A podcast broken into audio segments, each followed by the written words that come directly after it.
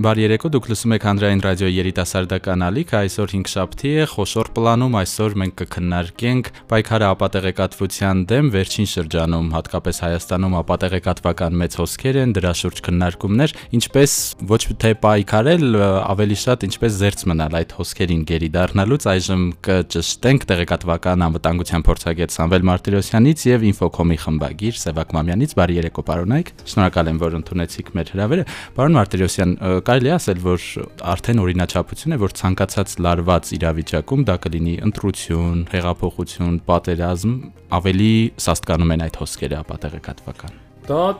ասեմ, դեռ պունիկյան պատերազմների ժամանակվանից այդ հիշացնեմ էլի, Հռոմը տենց Կարթագենի վերջը տվեց, հետո դրեց ամբողջ գրքերը վառեց Կարթագենի վերաբերյալ նորից գրեց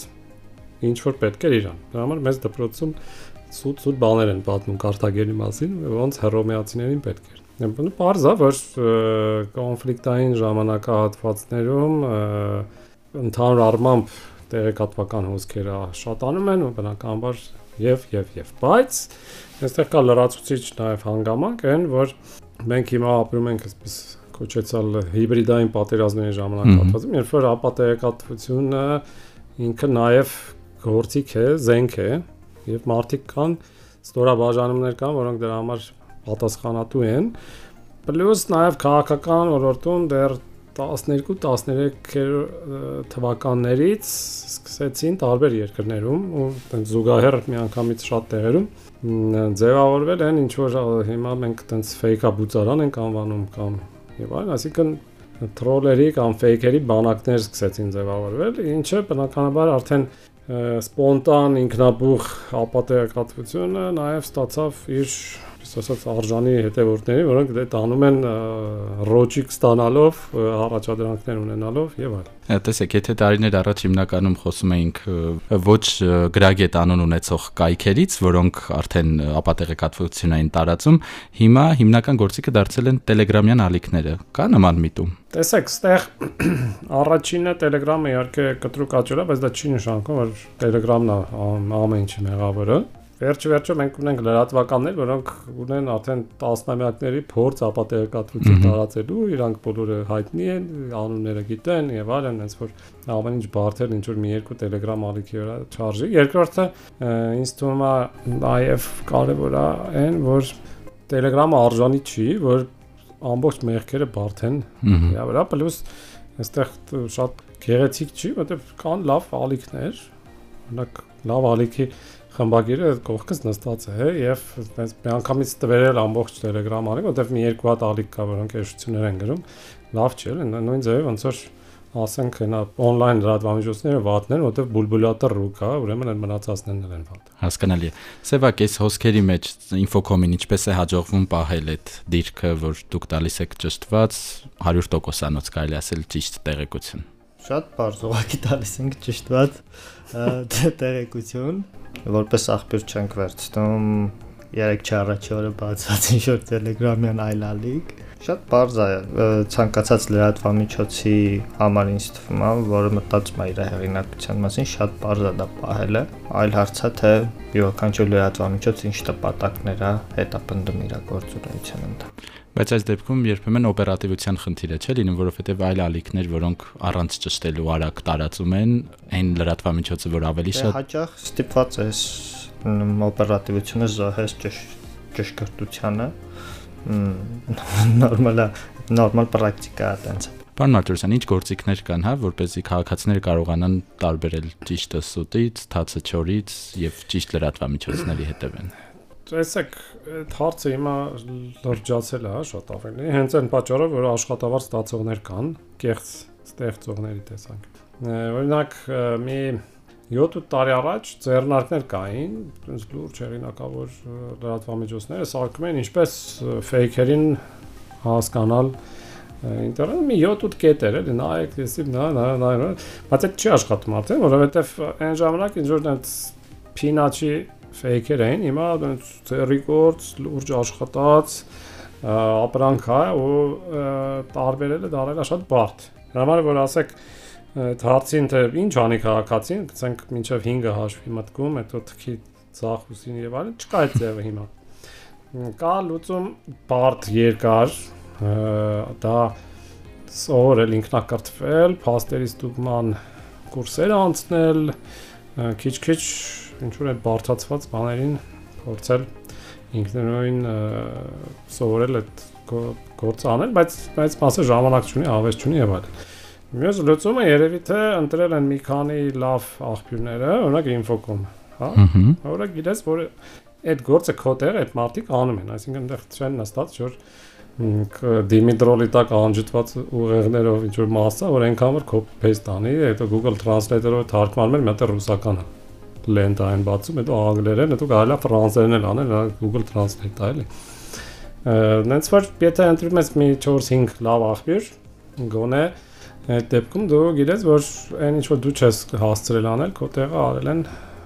մարդիկ, որոնք իրանց գործը հենց այդ հասկանալի։ Սևակ ձեր բանաձևը որն է քաղաքացիներին օգնելու։ Մեջագրագիտության բարձրացումն է ընդհանուր ու հետ հարցը երևի ավելի շատ կրթության նախարարության դաշտում է արնվազան եւ մշակույթի եւ սպորտի երկար նախարարության դաշտում է երևի նու արնվազը դպրոցահասակ տարիքի մարդկանց համար, բայց բացի այդ, մյուս բոլոր ժամանակահատվածում կարծում եմ արդեն ժամանակ ժամանակաշրջանում են, որ այդ մեջագրագիտության բարձրացումը այդ մասով ինքնակրթումը պետք է շարունակական process լինի ամեն մարդու համար ու նաև թե մենք լրատվամիջոցները, թե պետությունը պետք է մտածեն ինչ հնարավորություն է ստեղծեն այդ մարդկանց ավելի արագ ու པարզ ձևերով ընկալել, որովհետև մենք անդադ նոր գործիքների հետ ենք առնչվում, նոր հարթակների հետ ենք առնչվում, որոնք իրանց հետ նոր ապատեղեկատվության մանիպուլյացիայի հնարավորություններ են բերում ու այսօր մի հատ գիրք կարդալ ու իմանալ որ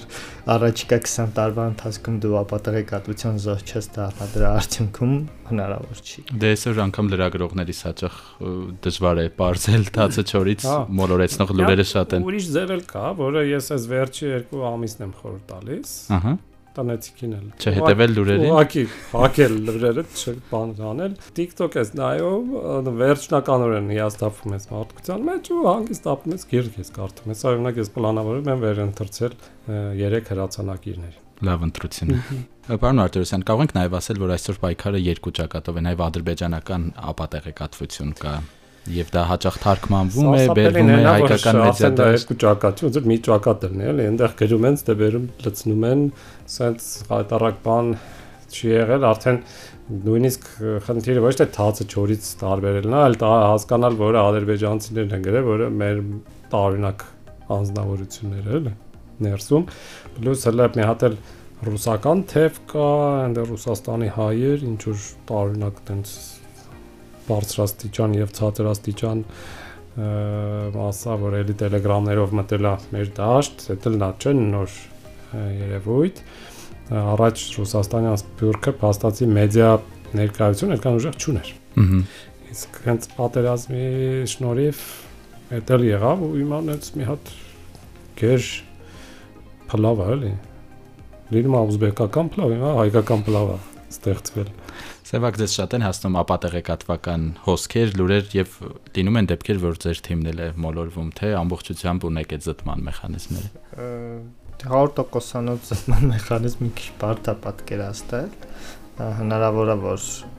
ամենապրոֆեսիոնալ լրագրողն էլ ինչ որ պահի վրիպի ինչ որ օրինակ բերեմ լուրա տարածում, որը դու գնում ես, աղբյուրը գտնում ես բան, բայց մի հատ փոքրիկ բան, ամսաթվին ուշադրություն չես դարձնում հրապարակման աղբյուրի մեջ ու դու էլ կարաս զոհ դառնաս ամենապարզ տարբերակը։ Կամ դու ոգևորվել ես նյութով,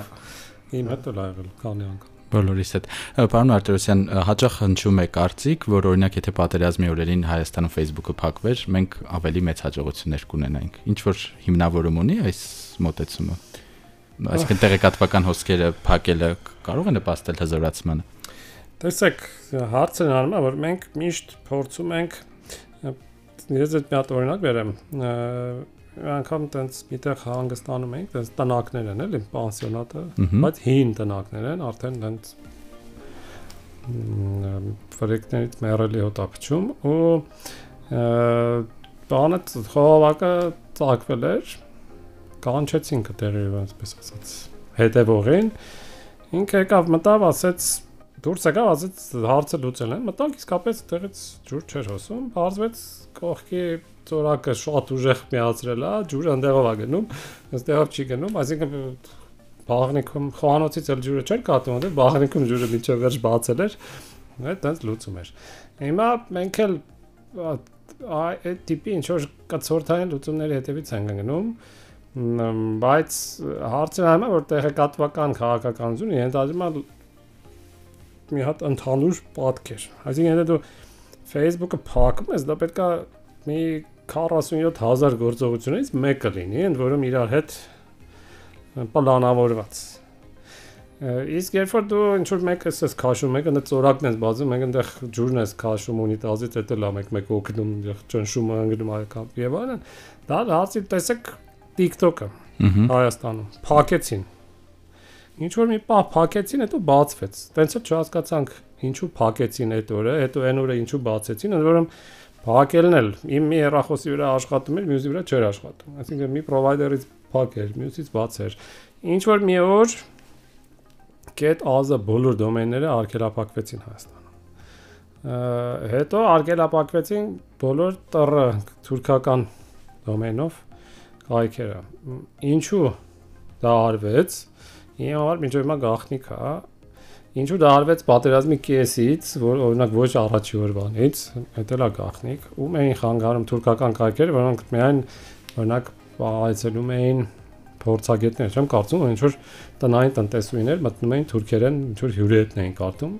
ու ինչ որ եզրակացություններ էին գալիս, հա։ Փաստացի հարցն անում է, որ մենք ինչ որ ստեղ այնտեղ բաներ էին կանում։ Սպոնտան։ Հա։ Որանք ընդհանուր մի բանի հիմք չունեին։ Կարելի էր դնել ամեն ինչ փակել։ Կարելի էր։ Բայց Դա պետքա ընդհանրեր նաև այլ տիպի գործողություններ, որտեղ վերջ-վերջ մարդկանց պետքա տեղեկատվություն հասցնես։ Այսինքն դա պետքա ընդհանրեր օրինակ այլ ալիքներով ավելի լայնամասշտաբ տարածում, որ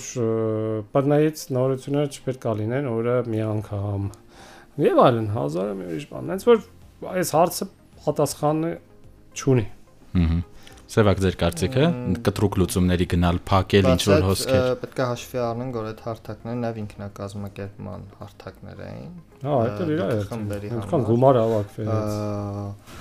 Ուրիշ բան, եթե առաջի օրերից արկելափակվեն, մարդիկ իմանային ուրիշ ինչ եղանակով են կարում իրար հետ կապ հաստատեն, կազմակերպեն ինչ որ բաներ, բայց կեսից ինչ որ փուլից այդ արդեն կարող ավելի բացասական ազդեցություն ունենար դրական։ Դուք որպես խմբագիր, որը շփվել է, ստացել է տեղեկությունը պետական մարմիններից, այդ կապը ինչպես է գնահատում այդ օրերին։ Այդ օրերին ըստ էության կապը միակողմանի էր։ Միշտ տալիս էին ստիպված էր դա էլ հրապարակել։ Որում նաև օրենքով։ Հա, օրենքով ամրագրված այլ հարցը թե դու համաչափությունը պահպանելու համար այլ ինչ աղբյուրներից կարայիր ինչ որ բաներ տայր որ համ չդատվեիր չդատես ոչ չդատես համ էլ հանրությանը հնարավոր ինձ ավելի երկու աղբյուրից կոնե ինֆորմացիա տաս ինչ որ իրադարձություն Այ հիմա մի օրինագիծ է քննարկվում, փակելու մասին չէ, բայց շատ մեծ արձագանք է գտել եւ հատկապես լրագրողների շրջանում առաջարկվում է արգելել անանուն աղբյուրներին հղում տալը։ Սա ընդունված պրակտիկա է, կա նման սահմանափակում այլ երկրում եւ ինչպես է սահմանվելու, որն է անանուն աղբյուրը, որն է անուն ունեցող աղբյուրը։ Սենց ասեմ, ընդունվածի տեսանկյունից գլոբուսի վրա ինչ ասես կա։ Համոզված եմ, որ մի 100 երկիր կա, որտեղ դա ընդունված է, բայց նաեւ այլ ավելի խիստ սահմանափակումներ։ Հա, օրինակ Վիետնամում սոցցանցերում չի կարելի քաղաքականություն քննարկել եղանակի մասին ինչքան ուզպես գրի, քաղաքականությունից մի գրի։ Արժեր ապրել այնտեղ։ Հա, հիմա երջանիկ դե դրախտ հայերի համ։ Ես ազնվորեն ասած մինչև հիմա լավ չեմ հասկացել օրինակ գծի մեջ ինչ նկատի ունեն անանուն աղբյուրի հետ կապված, որովհետև այսօր զրույց գնաց համահեղինակներից մեկի հետ, հասկացա, որ ել ավելի շատ չեմ հասկանում, որովհետև այն ինչ որ ես քննադատեցի, ինձ ասեցին, որ այդ տենց չի, այդ ինչ որ ասում ես, այն հին ձևերը, այն որ գցենք մեր աղբյուրները Պենտագոնում մեզ հայտնում են, հա, մեր աղբյուրները FSB-ում մեզ այսօր հայտնեցին, որ սենց, հա։ Դա կարելի է։ Եթե ճիշտ հասկացա էլի։